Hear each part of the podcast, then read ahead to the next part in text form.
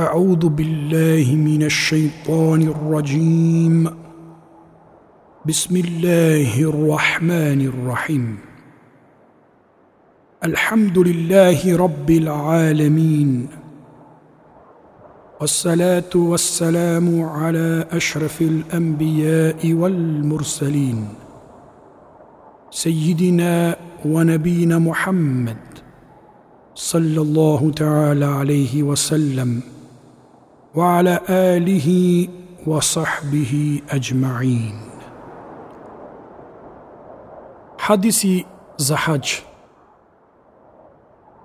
عبد الله ابن عمر пренесува дека Аллаховиот пратеник саллаллаху алейхи васелем рекол Исламот се темели на пет столбови. Сведочење дека нема Бог освен Аллах и дека Мухаммед салаллаху алейхи васелем е негов пратеник. Клањање на намаз, давање зекат, извршување на хадж и постење на месецот Рамазан.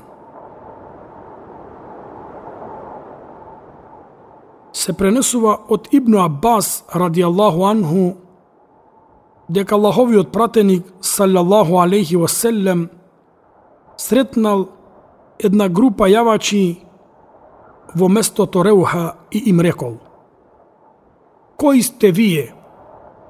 Одговориле муслимани и прашале А кој си ти? Одговорил Аллахов пратеник. Тогаш една жена го крена детето и праша – Има ли хадж за ова дете? Пратеникот салаллаху алейхи васелем рече Да, а тебе ќе ти припадне наградата. Се пренесува од Ибн Абас радијаллаху анху дека го слушнал Аллаховиот пратеник салаллаху алейхи васелем како вели. Мажот нека не се осамува со туѓа жена, освен ако е махрем, оној за кого не може да се омажи. А жената нека не патува сама, освен со махрем. Еден човек рече, Аллахов пратенику, жена ми тргна на хач, а јас тргнав во таа и таа битка. Пратеникот алейхи селам му рече Оди, извржи хач со женати. Ебу Хуројре, ради Аллаху анху, кажува Аллаховиот пратеник, саллаллаху алейхи васелем, ни одржа худба во која рече О, луѓе, на вистина Аллах наредил хадж, па извршувајте го, Еден од присутните праша, дали тоа мора да го правиме секоја година Аллахов пратенику? Аллаховиот пратеник, саллаллаху алейхи васелем, молчеше се додека овој човек не го повторил три пати тоа прашање и тогаш рече Ако одговорив потврдно, хаджот ќе беше задолжен секоја година а вие не бисте биле во состојба да го извршите. Потоа додаде, не прашувајте ме за она што сум го премолчел. Оти поранешните народи пропаднале заради тоа што премногу ги распрашувале своите веровесници и што им се спротивставувале. Кога ќе ви наредам нешто, направете го тоа онолку колку што сте во состојба. А ако ви забранам нешто, избегнувајте го тоа во целост.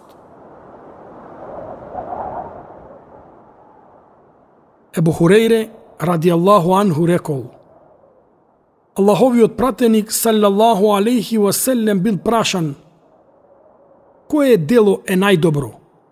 Па одговорил – верување во Аллах и неговиот пратеник. А потоа, кое дело праша некој. Джихад, борба на Аллаховиот пат, одговори тој. После тоа пак бил прашан, а кој е дело после тоа? Хаджун мебрур, правилно извршен хадж, одговори веровесникот саллаллаху алейхи васелем.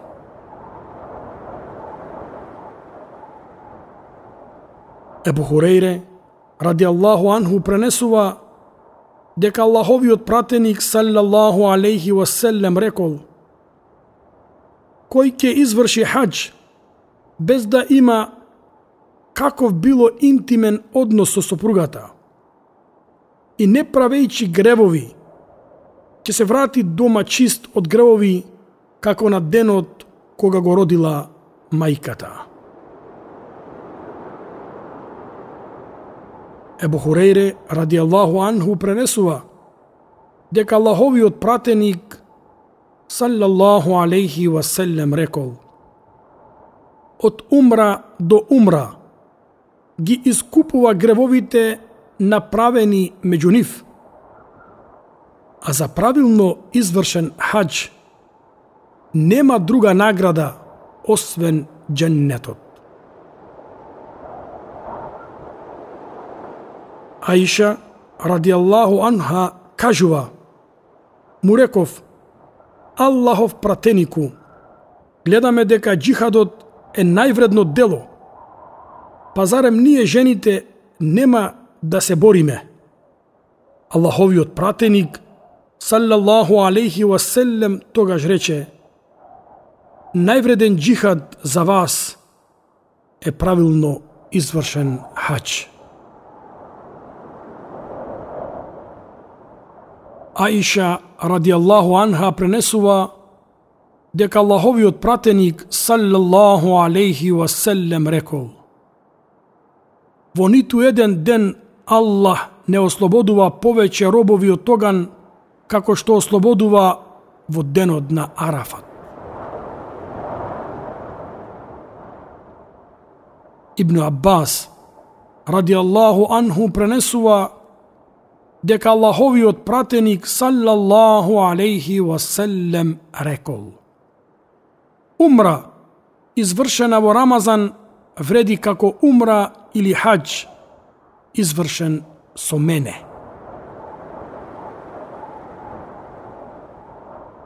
Ибн Аббас, ради Аллаху анху, пренесува дека некоја жена рекла Аллахов пратенику, обврската за хач, со која Аллах ги задолжил своите робови, го затекна мојот татко како изнемоштен старец, па не може да се одржува на јавалица. Дали да извршам хаџ за него? Да, рече пратеникот, салјаллаху алейхи васелем.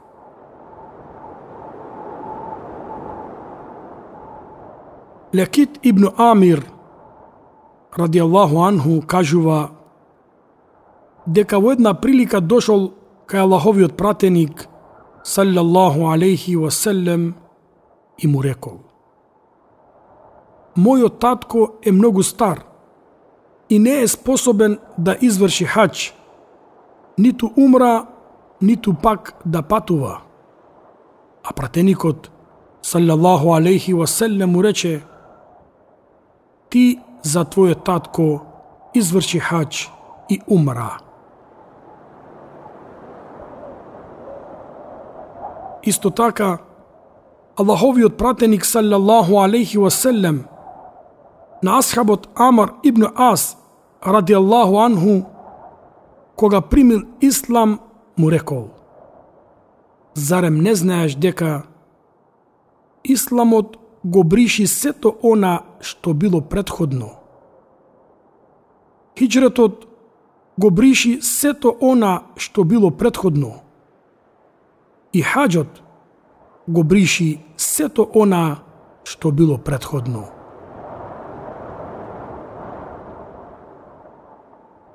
Ебу Хурейре, ради Аллаху анху, пренесува дека Аллаховиот пратеник саллаллаху алейхи оселем рекол Хаджиите и оние кои прават умра се Аллахова делегација.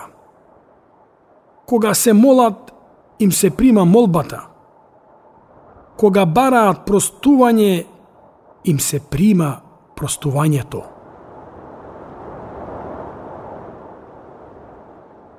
Пренесува Бурејде, дека Аллаховиот пратеник салаллаху алейхи васелем рекол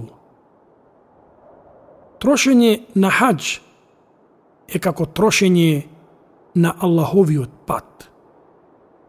Еден дирхем вреди 700 пати.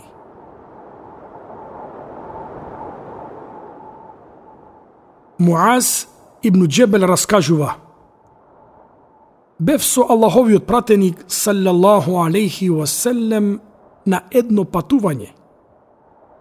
Еден ден патував во негова непосредна близина. Па го прашав.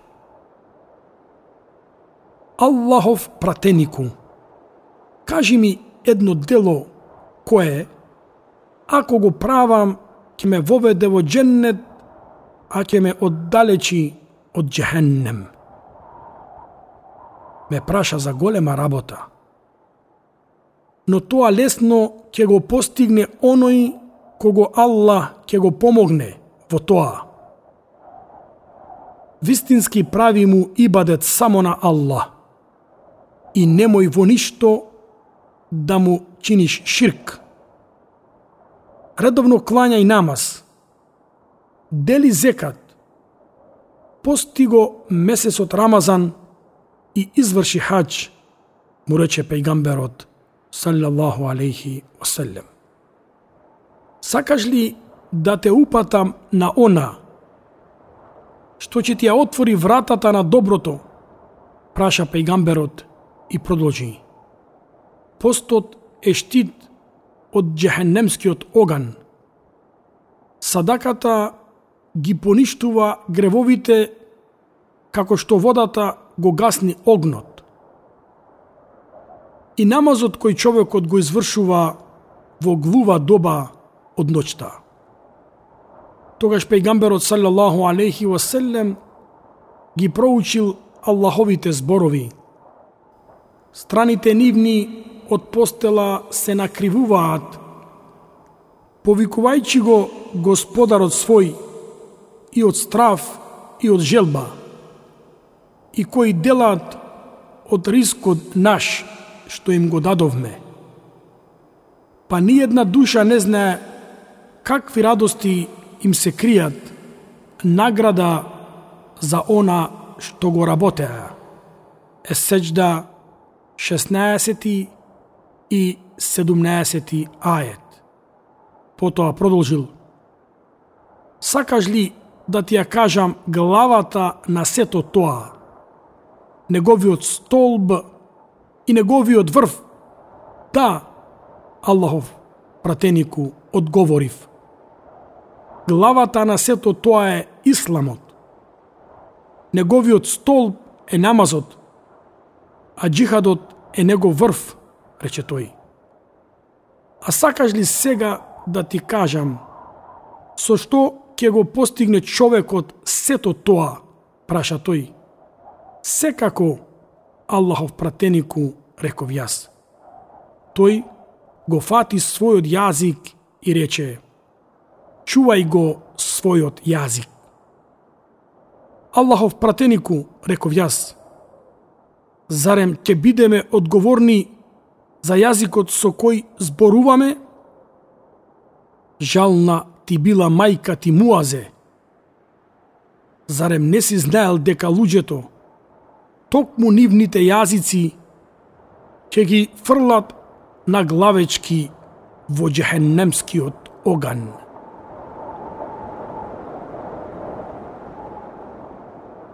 Аллаховиот пратеник, саллаллаху алейхи васелем, рекол, дали сакаш да те упатам на джихад во кој нема бодење во него, посета на Аллаховата куќа.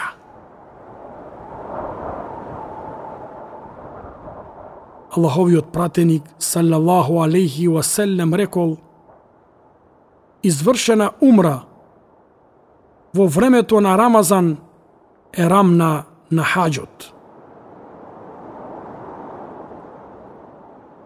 Аллаховиот пратеник, салаллаху алейхи васелем, рекол Допирот на црниот камен – и јеменскиот агол ги бришат и паѓаат гревовите.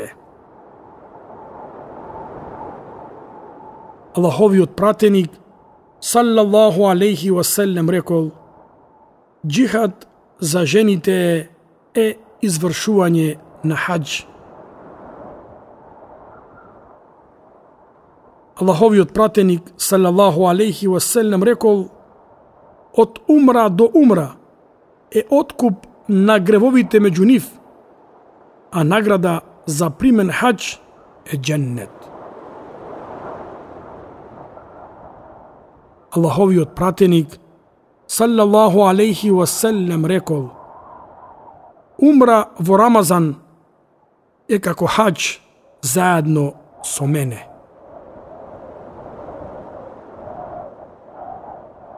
Аллаховиот пратеник саллаллаху алейхи васелем рекол колку прекрасен джихад е хаджот. Аллаховиот пратеник саллаллаху алейхи васелем рекол кој ќе направи хадж без да пцуе, општи или греши, ќе се врати како тој ден да го родила неговата мајка, чист од гревови.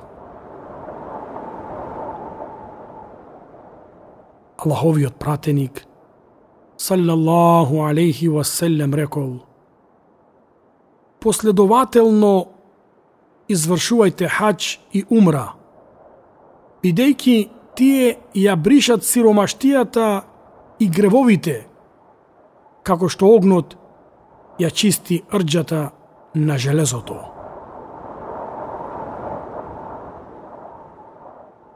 Аллаховиот пратеник, саллаллаху алейхи васелем, рекол, највреден хаџ е оној во кој се довикува Алла со телбија лебејк Аллахуме лебејк и оној во кој има пуштање на крв значи курбан.